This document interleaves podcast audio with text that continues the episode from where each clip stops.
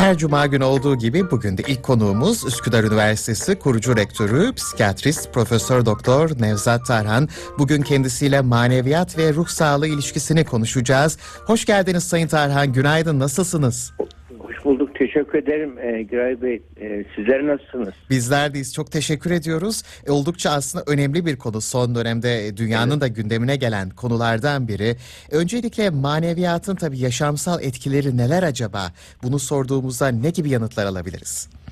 Tabii yani bu son yıllarda özellikle 2000 yıllardan sonra e, insanın e, küresel olarak insanlarda mutsuz maddi refahın artması ama manevi refahın paralel olarak artmaması hatta azalması, mutsuzluğun artması, evet. intiharın depresyonun artması nedeniyle yapılan araştırmalarda 2018'de Temmuz ayında e, e, ABD'de e, dini özgürlük görev günü ilan edildi. E, Temmuz ayında 2018'de başladılarına yani Amerika Birleşik Devletleri'nde böyle e, özellikle farklı kültürlerden gelen e, hastaları farklı kültürleri tedavi etmekte yaşanan zorlukları e, farkına varıldı. Dini özgürlük görev günü olarak ilan. Yani insanlar e, çeşitli etiketlenmeler, damgalamalar nedeniyle e, din, e, dini duyarlılığı olan insanlarla olmayan insanların e, böyle ayrımcılık yapıldığıyla ilgili şey kanaat ortaya çıktı. Hı hı. Bu e, özellikle küresel olarak yani dinin, spiritüel bir inancının öneminin anlaşılmasıyla da ilgili. Yani daha önce bu konu hiç gündeme gelmezdi mesela uzmanlar arasında. Yani şimdi bu maneviyat dediğimiz zaman tabii bu şey var. işte Gartner var Harvard'dan ünlü e, psikolog. E, o psikoloğun e, 6 erdem 24 değer olarak tanımladığı değerler var. Bu altı erdem işte dürüstlük, adalet gibi maneviyat gibi değerler var. Onun altında 24 tane de altın değer olarak tanımlamış. Bunlardan aşağı yukarı üçte biri maneviyatla ilgili kişinin.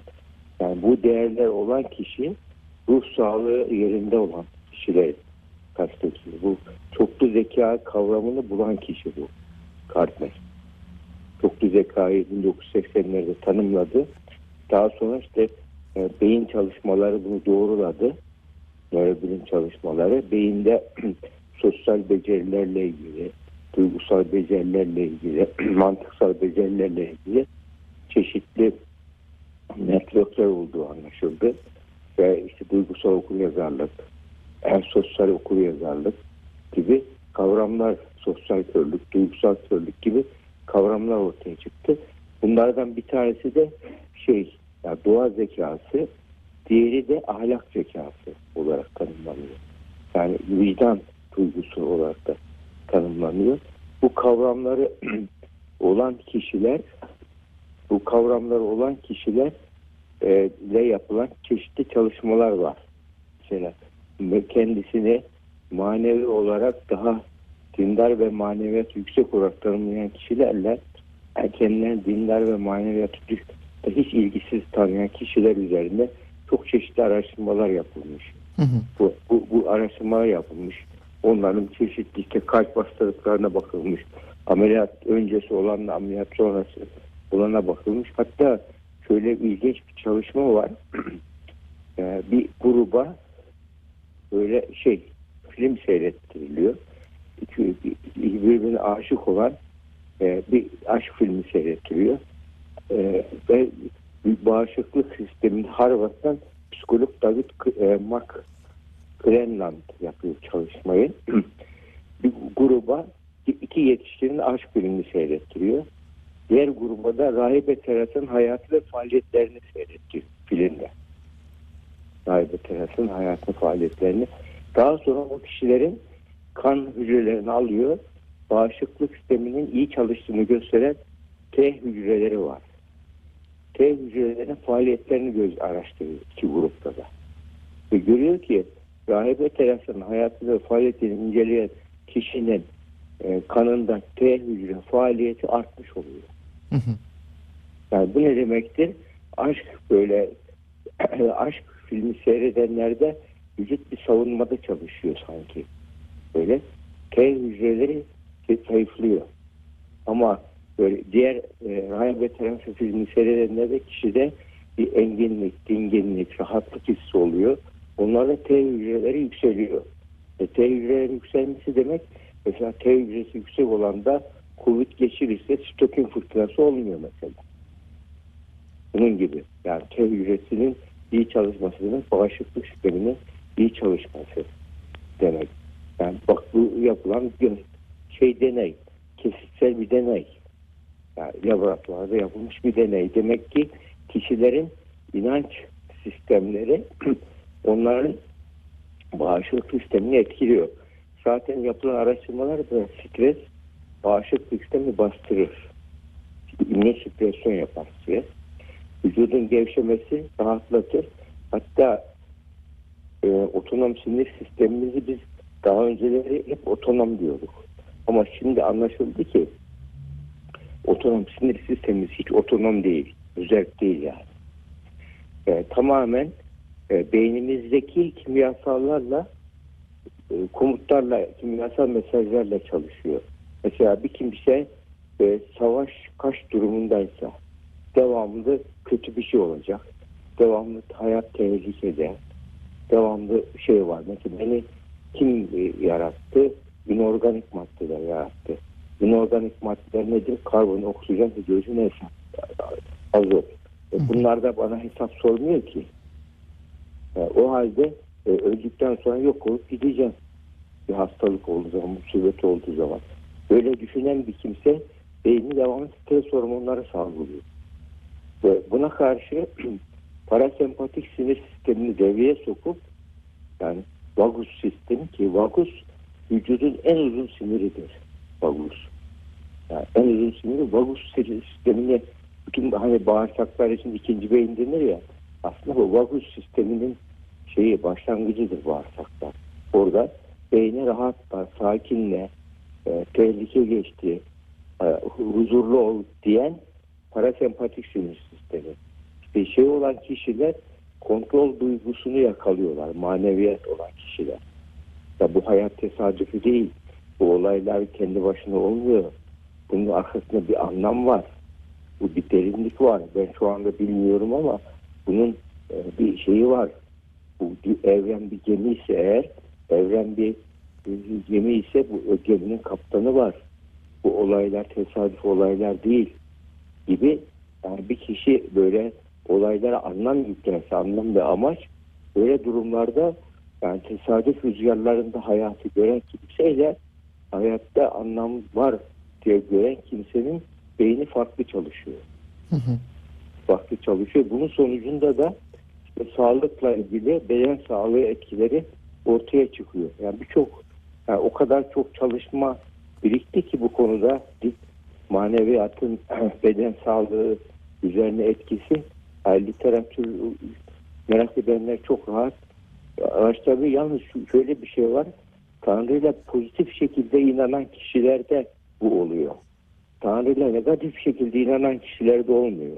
Hmm. Yani Tanrı'yı cezalandırıcı devamlı olarak gören kişiler bu rahatlığı yakalayamıyorlar.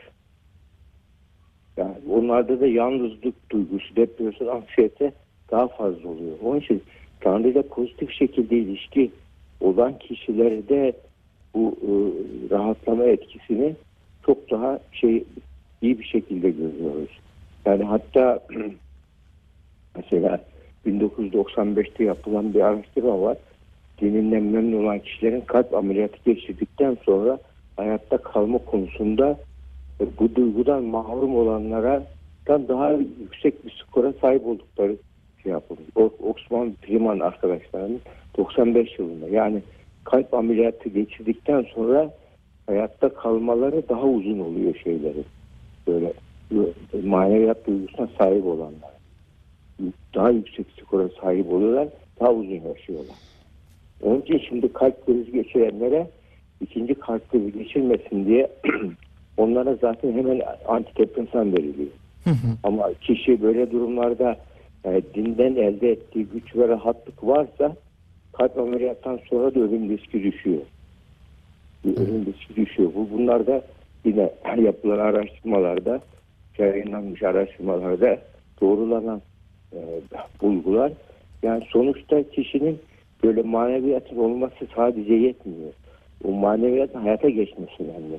Mesela affedicilik olmalı.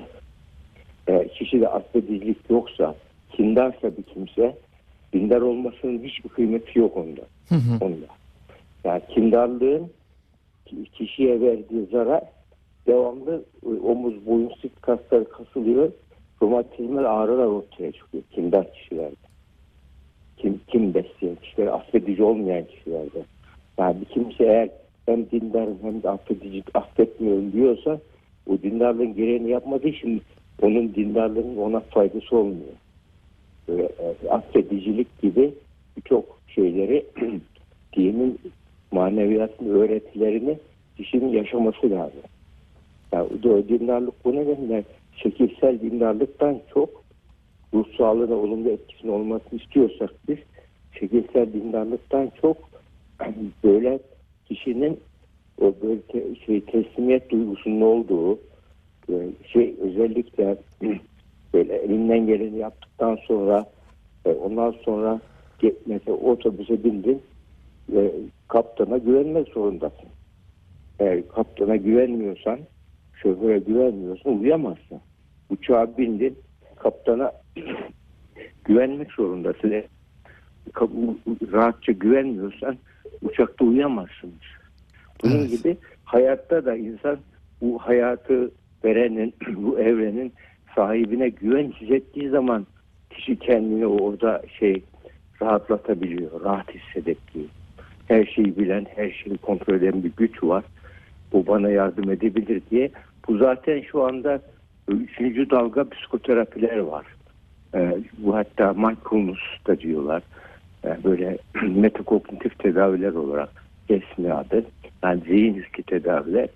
Bunun basamaklarından birisi de kişinin inanç sistemi hangisi ise bir koruyucu melek olabilir, zihinsel sığınak olabilir, herhangi bir sığınak olabilir. Oraya sığınabilen kişiler bu yalnızlık duygusunu, korku duygusunu kontrol edebiliyorlar.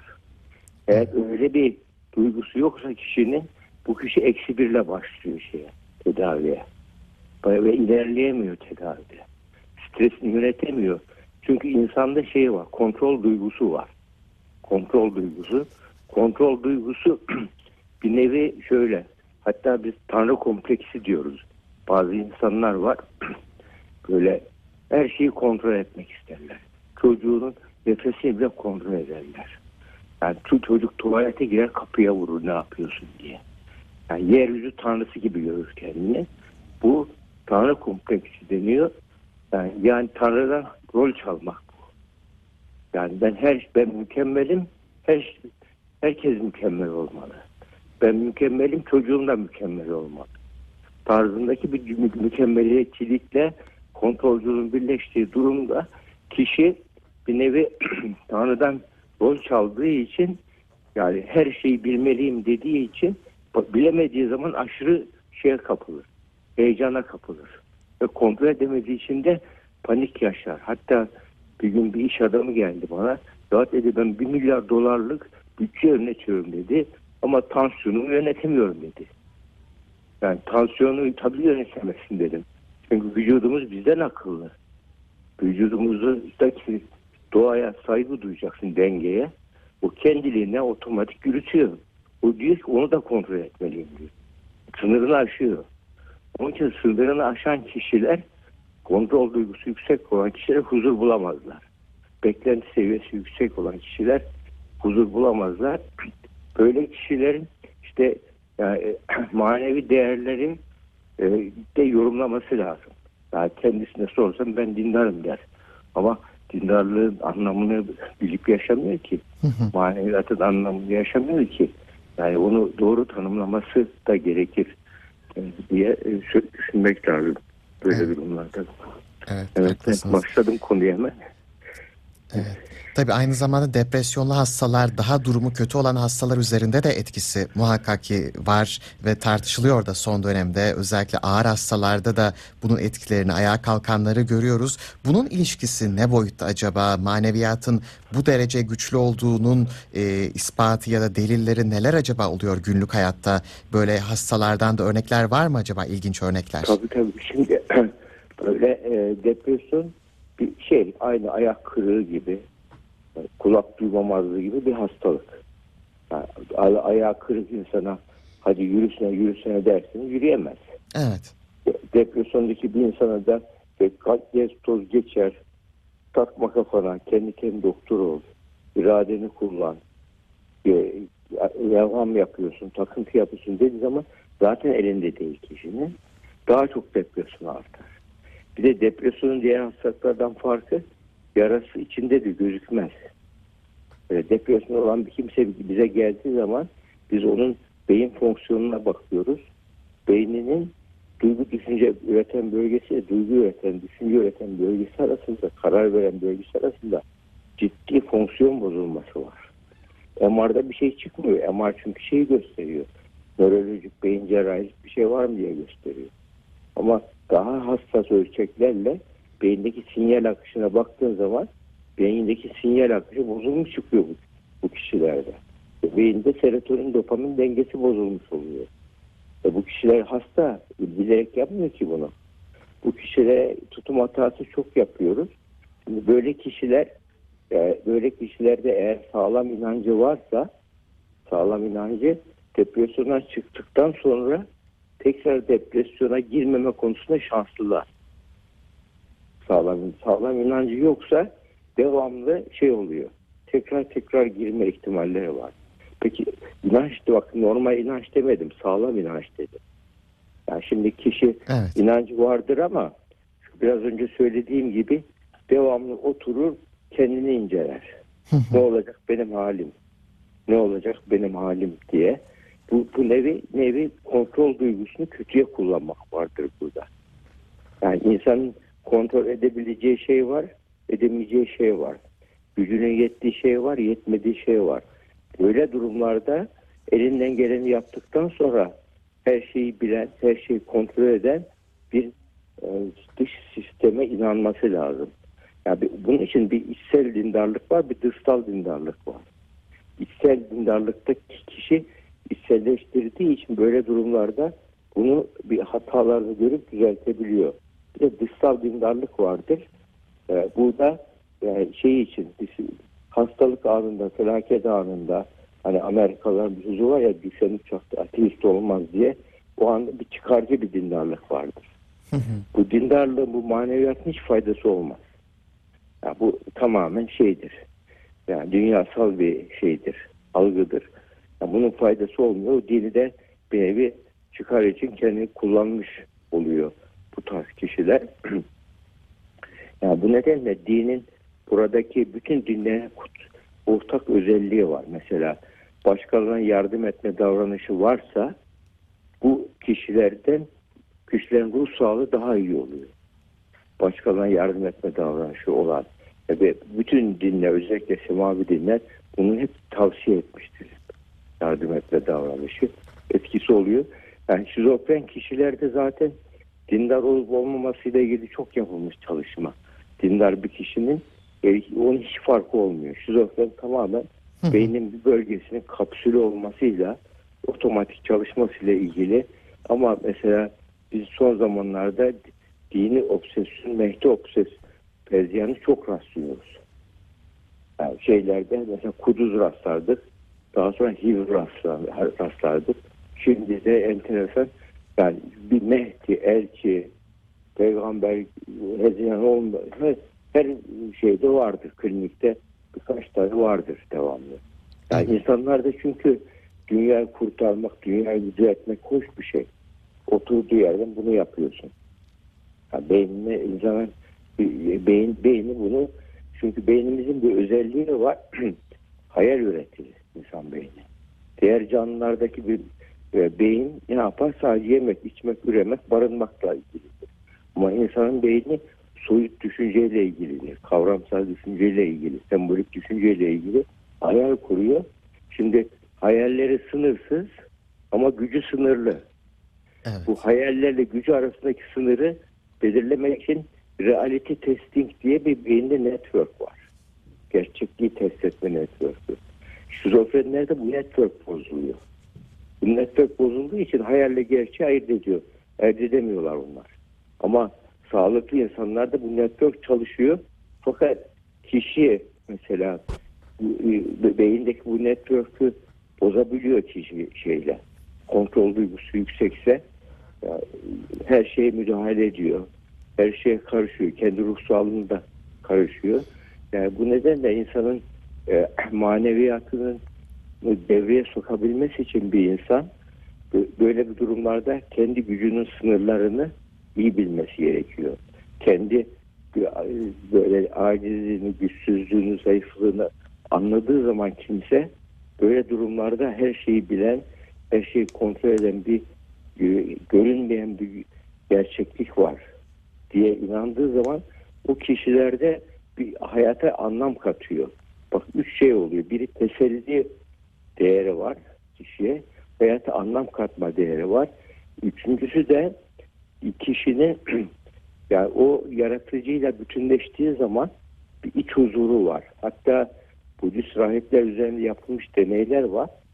Biz onu, bunu Mevlevilerde yaptık benzerini. Bu e, tam böyle Budist rahiplerin 256 elektrot bağlanıyor beynine. 90'lı yıllarda bu meditasyona sokuluyor. Ve meditasyonda ekstazi haline giriyor.